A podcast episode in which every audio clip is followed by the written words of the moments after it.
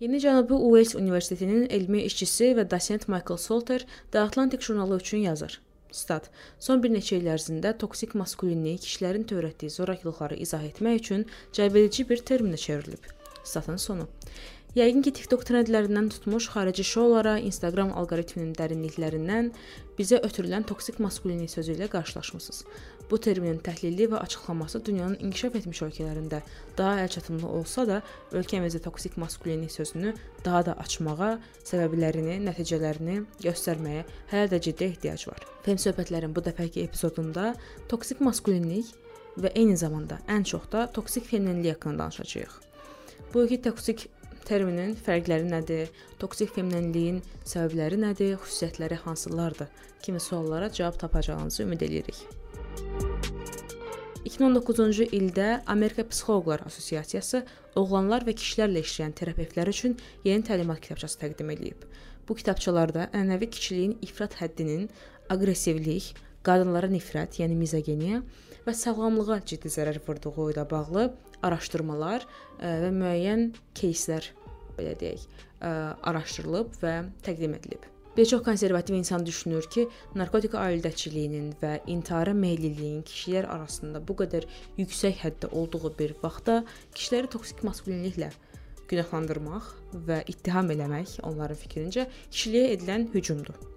Bununla yanaşı eyni zamanda progressiv insanlar düşünür ki, gender bərabərliyinə gedən yol birbaşa olaraq kişiliyin detoksifikasiyasından, yəni bütün zərərli xüsusiyyətlərindən təmizlənməsindən keçir.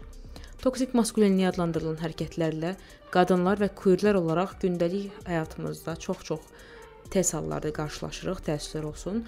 Bu ola bilər eşitdiyimiz qətl, təcavüz hadisələri, Bu ola bilər ümumi olaraq cəmiyyətin qadınlara və queerlərə yanaşması, bu ola bilər küçədə bizə söz atılması, bu ola bilər ə, məişət zəminində zorakılıq və ya da hansısa bir şəkildə kişilərin qadınlara və queerlərə qarşı olan zorakılığı kimsə tərəfindən izlənilmək, başqa bir adla stalking, obyektləşdirilmək, seksist və mizogenist ifadələrə məruz qalmaq, genderimizə yaxud cinsimizə görə ikinci, hətta üçüncü görülmək, alçaldılmaq və s. və ilaxır. Yəni bu siyahı hər bir qadının, hər bir queerin ə, yaşadıkları və gündəlik olaraq rastlaşdığı xoşagəlməz hadisələrin siyahısı qədər uzanıb gedə bilər.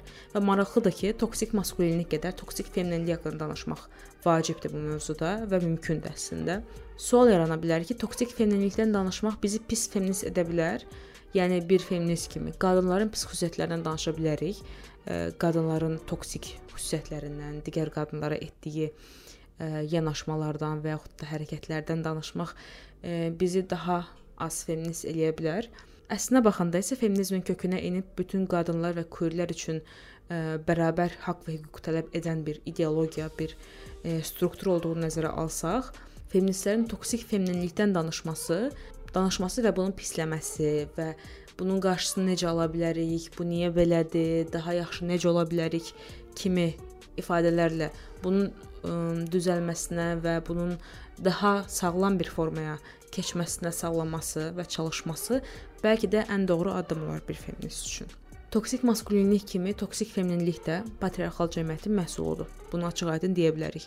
Toksik femininliyin tərifinə gələndə isə bunu açıqlamaq toksik maskulinliyi açıqlamaqdan biraz daha çətin və mürəkkəbdir.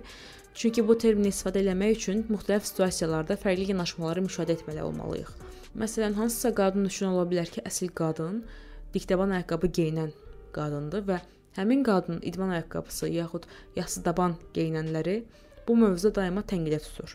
Sadə misaldır, amma düşünəndə ki, bizim ətrafımızda nə qədər belə insan ola bilər, bu artıq fərqli bir nəticəyə gəlib çıxır. Bəzi qadınların fikrincə hətta pivə içmək belə qəbahətdir, çünki bu kişi hərəkətidir. Eyni zamanda bunu siqaret çəkməyə də aid edə bilərik. Toksik feminillikdən istifadə edərək həmcinslərini aşağılayan qadın cəmiyyətdə daha hörmətli ola bilər. Eyni zamanda əsl qadınlıq oyununu oynamayan insanlar üçün bu hörmət, dırnaq içində desək, çatılmayacaq bir nöqtə kimi qala bilər. Male gaze deyilən kişi baxışı termini bu mövzunun əsasını təşkil edir və ona görə biz elə patriarxat atdıq məsələni. Bəzi qadınların digər həmcinslərini aşağılamaq bahasına da olsa cəmiyyətin qaydalarına uymağa çalışması bəzən də male gaze qazanmaq üçün istifadə olunan hərəkətlərdəndir. Və bu mənada e, kişi baxışını üstün tutub onu prioritet bilən patriarxatı isə toksik maskulinlik kimi, elə toksik, toksik femininliyi də ə, səbəbkarı olaraq deyə bilərik qeyd etdiyim kimi. Hər bir halda isə toksik femininlik də, toksik maskulinlik də gücü olanların bu gücü, bu məfhumu əldə saxlamaq üçün istifadə etdiyi bir dinamikadır. Hörmət edilmək, cəmiyyət tərəfindən qəbullanan bir şəxs olmaq bu iki terminin də əsasında durur. Patriarxatın güc və şiddəti necə sevdiyi ilə bağlı isə daha əvvəlki podkast epizodlarımızda xeyli danışmışıq. Onları gedib dinləyə bilərsiniz və yaxud da bizim Fem məkanın Instagram postlarına baxa bilərsiniz. Çünki biz orada male gaze məsələlərindən, toksik maskulinlikdən, patriarxatdan və patriarxatın qadınlara və queerlərə qarşı belə deyək, neqativ təsirlərindən eyni zamanda Instagram postlarımızda da qalmayaraq Feməkanın digər məqalələrində bununla bağlı bir çox araşdırmalar və məqalələrə baxa bilərsiniz. Və baxa bilməkdən əlavə tövsiyə edərdim ki, baxasınız. Çünki bizim bilmədiyimiz Azərbaycan dilində kifayət qədər olmayan kontekstlər bu kimi məqalələrdə, postlarda üzə çıxır və güc demişkən, güc və təzyiq adlı məfhumlara böyük şəkildə baxsaq, böyük ehtimalla bunlar yalnız bir istiqamətə ya da bir qrup insana yönəlmirlər. Onların hamısının ümumi bir cəhəti budur. Və toksik maskulinlik kişilərə zərər vurmaqla bərabər qadınlara, sis yaxud trans kişilərə və qeyri-binar insanlara da neqativ təsir göstərmədən keçmir. Eyni zamanda toksik feminenlik trans qadınları qəbullanmamaq, gey kişilərə qarşı xüsusi nifrət kimi ə, faktlarla da özünü büruzə verə bilər. Bəs toksik feminenliyin səbəbləri nədir? Qadınlar niyə digər qadınlara bullying edirlər?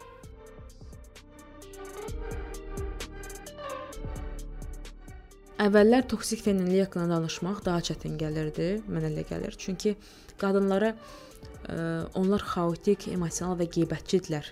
Qəliblərinə salmış patriarxata dolayı olan haqq vermək əslində toksik feminlikdən, feminlikdən danışanda bizim istədiyimiz bir şey deyil, amma fərqində olmadan belə eləyə biləcəyimiz bir şey ola bilər.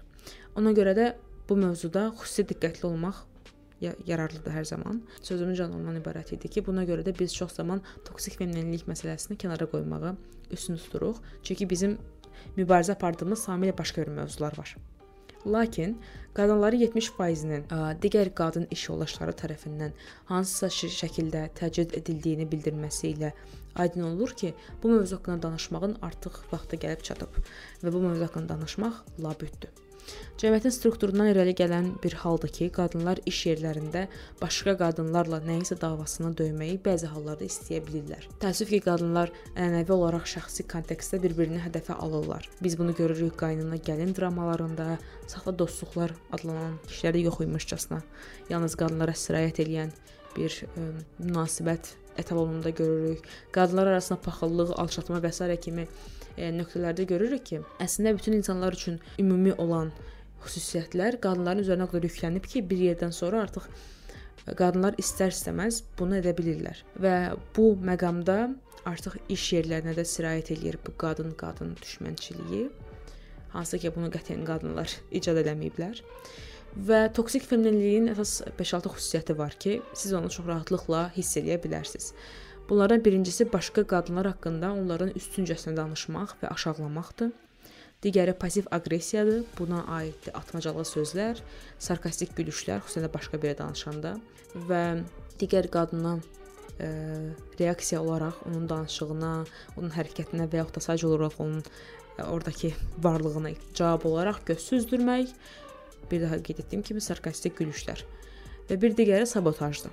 Öz mənfəəti üçün yalan danışmaq, aldadıcı məsləhətlər vermək, başqalarının işlərinə və ya qərarlarına görə istehza eləmək, başqalarını pis göstərmək üçün vəziyyətləri manipulyasiya etmək, etməyə çalışmaq toksik feminliyin bir digər xüsusiyyətidir. Eyni zamanda görünüşünə, populyarlığına və peşəkar performansına görə digər qadınlara qarşı xüsusi nifrət dolu yanaşma, onlara qarşı hansısa bir yuxarıda qeyd etdiyimiz sabotaj xarakterli hərəkətlərin yerinə yetirilməsi toksik feminliyin ən çox bilinən xüsusiyyətlərindən biri olaraq bizim siyahımızda yer alır. Və sual ola bilər ki, toksik feminin vərdişlərimiz varsa, bunu necə aradan qaldıraq?